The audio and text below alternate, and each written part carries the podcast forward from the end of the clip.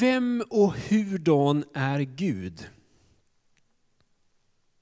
Den frågan zoomar vi in ett antal söndagar nu och har gjort så. Svaret som kyrkan i alla tider har gett på den frågan är ju se på Jesus, lyssna till honom. Han har något att säga om Gud. Ingen av oss har sett Gud, men han, den enda sonen, Guds son, han har förklarat, uppenbarat för oss vem Gud är. Och vad säger då Jesus om Gud? Några söndagar nu så har vi tittat på några som tongivande karaktäristiska saker som Jesus säger. Han talar om att Gud är en sökande Gud, välkomnande och inbjudande Gud. En Gud som söker upp det som är förlorat. Och det finns något oväntat över det här. Nåd är ju det ordet vi far efter. På ett oväntat sätt så söker Gud upp, välkomnar och inbjuder också de som vi tänker inte kanske platsar. Han är världens frälsare. Och så kommer man till det som är dagens rubrik. Vem är Bibelns Gud? Och Jesus svarar, Gud är en dömande Gud. Jesus talar om att, och det här är Matteus kapitel 24 och 25, när Jesus säger att i mötet med ondskan så kommer Gud att agera. Och en dag, Herrens dag, ja, när Människoson kommer i sin härlighet tillsammans med alla sina änglar, då ska han sätta sig på härlighetens tron och alla folk ska samlas inför honom. Och då kommer Jesus med Faderns välsignelse och auktoritet att skipa rätt. Varje människa kommer att bedömas utifrån hur han eller hon har relaterat till Guds vilja. Hur vi har handlat gentemot Gud och gentemot varandra. Så Jesus talar om att Gud är en dömande Gud. Och det var även den tidiga kyrkans tro. Eh, i Apostlagärningarna så möter Petrus en romersk officer, kommer hem till honom och det är ett fantastiskt möte som beskrivs i kapitel 10. Och Petrus börjar förklara för Cornelius, den här romerske officeren i ockupationsmakten. Han börjar berätta för honom om Jesus, för han vill höra. Det är intressant. Ett oväntat möte. Och Petrus berättar att Gud gör inte skillnad på människor. Han söker mig, han söker dig, han söker oss. Och Petrus berättar om Jesus, hur han gick omkring och gjorde gott. Men hur han ändå blev utlämnad av de judiska ledarna till romarna som korsfäste honom. Men Gud uppväckte honom på tredje dagen. Och så kommer det, han gav oss uppdraget att förkunna för folket och vittna om att han är den som Gud har bestämt till att döma levande och döda. Tron på att Gud också är en dömande Gud talade Jesus och den tidiga kyrkan om. Och i den apostoliska trosbekännelsen som vi talar ut och har med som grunddokument så säger vi att vi tror på Gud Fader allsmäktig, himmelen och jordens skapare. Vi tror också på Jesus Kristus, hans enfödde son, vår Herre. Och så kommer det, som är avlad av den helige Ande, född av jungfru Maria, pinad under Pontius Pilatus, korsfäst, död, begraven, nederstigen till dödsriket och på tredje dagen igen, eh, på tredje dagen uppstånden igen från de döda. Uppstigen till himlen, sittande på allsmäktig Gud faders högra sida och därifrån igenkommande till att döma levande och döda. En dömande Gud. Och det där studsar vi många inför. What? Hallå? En dömande Gud. Den rubriken, det, det väcker ju massa negativa associationer och reaktioner av olika slag. En Gud som dömer vill vi ju inte kännas vid. Vi vill ju leva fritt utan att någon lägger sig i. Vi vill inte kännas vid gränssättningar och tillrättavisningar. Vi vill ju tänka att människan är fri att leva precis som hon vill. Att tala om en dömande Gud uppfattas ju hotfullt. Jag tror att många känner så, och tänker så i alla fall. Talet om att Gud dömer får oss att tänka att Gud är en hämndlysten Gud som beskyller och bestraffar människor. Och Det här med Guds dom kan ju för en del framstå som utpressning. Antingen lyder du eller så går du under. Och vi kan ju bara konstatera att det här budskapet om den dömande guden har historiskt, också i närtid, presenteras på ett sätt som har gjort att människor blivit skrämda. Jag menar, bara nu på sista tiden så har kanske en del av er också sett den här serien Gud som haver barnen kär på SVT.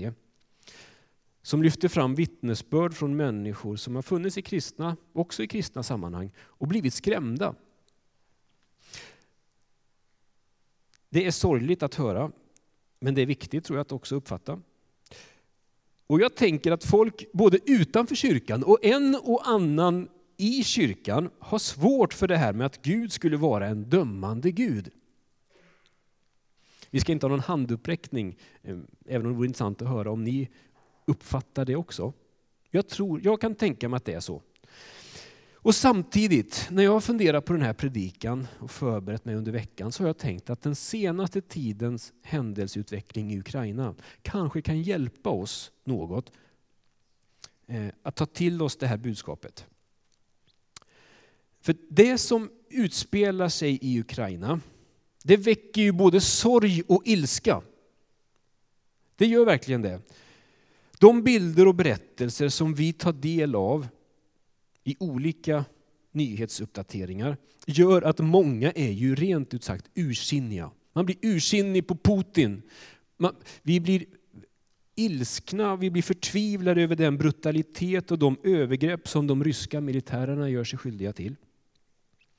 Och jag tänker att det är en fullt adekvat reaktion som vi delar med Gud. Bibelns Gud blir vred när vi människor begår övergrepp mot varandra. De goda nyheterna är att Bibelns Gud bryr sig om vår värld och våra liv. Det spelar roll hur vi lever och förhåller oss till varandra och vad vi gör. Bibelns budskap är att Gud en dag kommer att ställa allt till rätta. Han kommer att gå till rätta med det onda. Han kommer att lyfta upp det som har trampats ner, han kommer att läka det skadade, han kommer att blåsa liv i det som har dött. Och Det spelar ingen roll hur styrkeförhållandena ser ut idag. Oavsett hur mörkt det än kan verka så är kyrkans tro att Gud en dag kommer att kuva det onda och skipa rättvisa. Och i Bibeln så tas det här budskapet om att Gud en dag kommer att döma världen. Det tas emot, inte med rädsla utan raka motsatsen, med lättnad, med glädje. Lyssna bara till hur Saltaren uttrycker det. Ropa till Herren hela jorden, brist ut i jubel och lovsång. Lovsjung Herren, och så kommer då liksom det kompet man hade då. Harpa, lovsångsljud med trumpeter och hornstötar. Ropa av glädje inför kungen, Herren. Havet ska brusa med allt det rymmer, världen och de som bor i den. Strömmarna ska klappa händerna och bergen jubla tillsammans inför Herren. För han kommer för att döma jorden. Han ska döma världen med rättfärdighet och folken med rättvisa. Han kommer för att döma. Alltså budskapet om att Gud ska döma världen, det är goda nyheter. Världshistorien kommer inte sluta med att rullgardinen dras ner. Utan med att persiennerna dras upp. Och Guds ljus, godhet, rättvisa och frid strömmar in. Domen innebär inte slutet utan början på det vi längtar efter. Budskapet om att Gud ska döma världen är goda nyheter. I en värld av falskhet och lögner och propaganda, övergrepp och kränkningar så är budskapet om domen goda nyheter och ska inte uppfattas som ett hot utan som ett löfte. Och det bottnar djupast i det som återkommer gång på gång i Saltaren. Han ska döma världen, inte godtyckligt, utan med rättfärdighet. Han ska döma folken med rättvisa. Gud är en rättvis eller rättfärdig domare. Herrens domar är sanna. Herre, till himlen räcker din nåd och din trofasthet ända till skyarna. Din rättfärdighet är som väldiga berg och dina domar som de stora havsdjupen. Både människor och djur räddar du. Så Bibelns budskap om Jesu återkomst, hans närvaro, hans dom över den här världen och våra liv är inget vi ska vara rädda för. Den dagen det sker så kommer vi att kunna andas ut och säga tack för att du kom. Ibland så målar vi in oss i situationer vi inte kan komma ut ur själva. De vill Herren hjälpa dig och mig och Putin ut ur. Han vill vända det rätt som har blivit vänt upp och ner. Vad är då ett kristet förhållningssätt till ondska? Det har jag funderat på lite i veckan. Och jag tänker att händelseutvecklingen i Ukraina kan också få oss att fundera kring det. Hur ska vi som kyrka och kristna förhålla oss till våld och övergrepp? Och när jag tittar ut över vilka ni är som är här så tänker jag att flera av er vet nog ganska intuitivt vad svaret är. Jag tror det. Det handlar ju om bön. Det kanske inte uppfattas som häftigt eller coolt eller radikalt, men det är faktiskt ett förhållningssätt som kan förvandla och förändra vår värld. Bön till Gud. Saltaren inte minst berättar ju och visar ju för oss hur vi människor gång på gång får vända oss till Gud och be om hjälp. Gud grip in, befria, rädda. Psalm 35 har jag stavat mig igenom i veckan. Herre, kämpa mot den som kämpar mot mig. Strid mot den som strider mot mig. Grip sköld och skydd och kom till min hjälp. Dra fram spjutet och spärra vägen för mina förföljare. Säg till min själ, jag är din frälsning. Vi behöver Guds hjälp. Vi får med Bibelns ord be Gud kom till min räddning, Herre skynda till min hjälp. De senaste veckorna har liksom gjort det påtagligt att vår värld är mycket trasigare än vad vi vanligtvis vill kännas vid. Det behövs en gudomlig intervention för att få den här världen på rätt köl. Världen har spårat ur och vi behöver Guds hjälp. Det, här, det är Bibelns budskap. Vi har lockats kanske att tro att vi kan styra och ställa, men så är det inte, säger Bibeln. Vi behöver Gud. Och samtidigt när vi ber bönerna med saltaren så brottas ju saltaren och salmisterna gång på gång med, var är Gud? För den som ber så kan det verka som att Gud har dragit sig undan. Men de som ber saltarens böner vägrar tro att det stämmer. Så salmisterna fortsätter att banka på Guds dörr och påminna Gud om allt vad han har lovat. Till och med när de inte ser någon väg framåt så fortsätter de att be. Herre, hur länge ska du se på? Men du ser det Herre, var inte tyst. Herre, var inte långt från mig. Vakna, res dig till mitt försvar, ta dig an min sak. Min Gud och Herre. Döm mig efter din rättfärdighet, Herre, min Gud. Lika oväntat och överraskande som Jesu uppståndelse, lika oväntat så kommer Guds slutgiltiga dom över ondskan och synden att bli. För lärjungarna så var allting kört. Allt det de hade trott på och levt för, allt det hade grusats. Men på tredje dagen så sker det oväntade. Graven är tom. Jesus har uppstått och allt vänds, mörker till ljus. Och vår tro är att Jesus en dag kommer att döma och ställa till rätta. Ondskan har inte sista ordet. Även om det kan tyckas så för stunden, så vet vi att Gud inte blundar.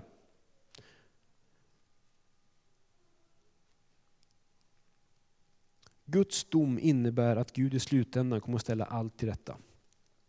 Den här tron har motiverat och inspirerat troende människor att stå upp för sanning och rättvisa, också i tider då det har kostat på. Och samtidigt när vi ställs inför det onda, när vi personligen drabbas, så är det så lätt att lockas av tanken att ge igen med samma mynt. Att slå tillbaka, att hämnas. Det är naturligt. Men det är väldigt problematiskt, för risken är stor att offer blir till förövare. Det finns massa exempel på det. Men Jesus han säger, be för den som förföljer er. Och vi läser, löna inte ont med ont, hämnas inte mina älskade, utan ge rum för Guds vrede. Det står ju skrivet, min är hämnden, jag ska utkräva den, säger Herren. Om det är något jag tänker vi kan lära av historien så är det att vapen och våld aldrig kommer att skapa bestående fred. Försoning går inte att åstadkomma med vapenmakt. Och kyrkans uppdrag har i alla tider varit att påminna makthavare, både diktatorer och demokratiskt valda, att de alla står ansvariga inför Gud. Vi gör alla det. Och i det sammanhang när Jesus talar om det här i Matteus 24 så säger han några ord som jag skulle vilja dela med oss idag. Se till att ni inte låter skrämma er. Se till att ni inte låter skrämma er. I sin fina kommentar över Matteus evangeliet så skriver Tobias Hägerland så här, och jag skulle vilja läsa innan till några rader mer. Det är inte kyrkans uppgift att låta sig ryckas med av kollektiva panikkänslor. Oavsett om det som driver fram dem är krigshot, migrationsströmmar eller klimatförändringar. Som alla andra av god vilja bör vi kristna naturligtvis se till att vi håller oss informerade om dessa frågor och bidrar till att de hanteras på ett realistiskt och hållbart sätt. Men i allt detta får vi inte glömma att det är Gud som håller världen i sin hand, inte vi. Vi vilar i Guds händer. Det är han som bär världen och våra liv.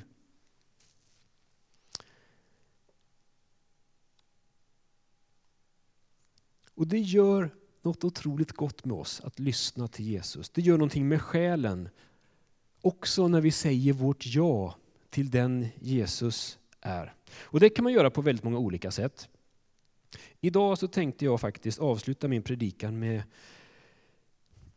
att ge oss alla tillfälle och möjlighet att gensvara på Jesus Kristus, att säga vårt ja till honom. Och ska göra det på ett sätt som vi kanske inte brukar göra. Amen är ett hebreiskt ord som används av kyrkan och troende människor över hela världen. Eh, och man använder det för att man vill säga Ja, precis så. Ordet skulle kunna översättas låt det ske. Och så används det. Det här hebreiska ordet används på alla möjliga språk. Kyrkan har plockat upp det som ett sätt att säga sitt ja till det vi hör. Precis så. Yes! Det är vad amen betyder. I första krönikeboken till exempel, det här plockas ju upp i Bibeln såklart. Amen är ett utrop som återkommer i Bibeln och används för att uttrycka vår respons på det Guds ord säger. I första krönikeboken läser vi Lovad vare Herren från evighet till evighet. Och hela folket sa Det här båda gott. Eh, I Saltaren läser vi gång på gång att, ja, till exempel, lovad vare Herren i evighet. Och så kommer ett det här är ju bättre än vad jag hade kunnat ana faktiskt. Låt oss stå upp tillsammans. Och I kyrkan är det aldrig teater. Men det bjuds möjlighet för hjärtats gensvar till den levande guden. Och jag skulle vilja bara formulera några trossatser som du, om du vill, kan få säga ditt amen till. Gud är god och evig är hans nåd. Amen. Jesus Kristus lever idag. Amen. Dag efter dag bär han oss. Amen. Kom Herre Jesus, kom. Amen. Mätta oss med din nåd när morgonen gryr och låt Guds ljuvlighet vila över oss. Amen. Han, Jesus Kristus, är världens frälsare. Amen.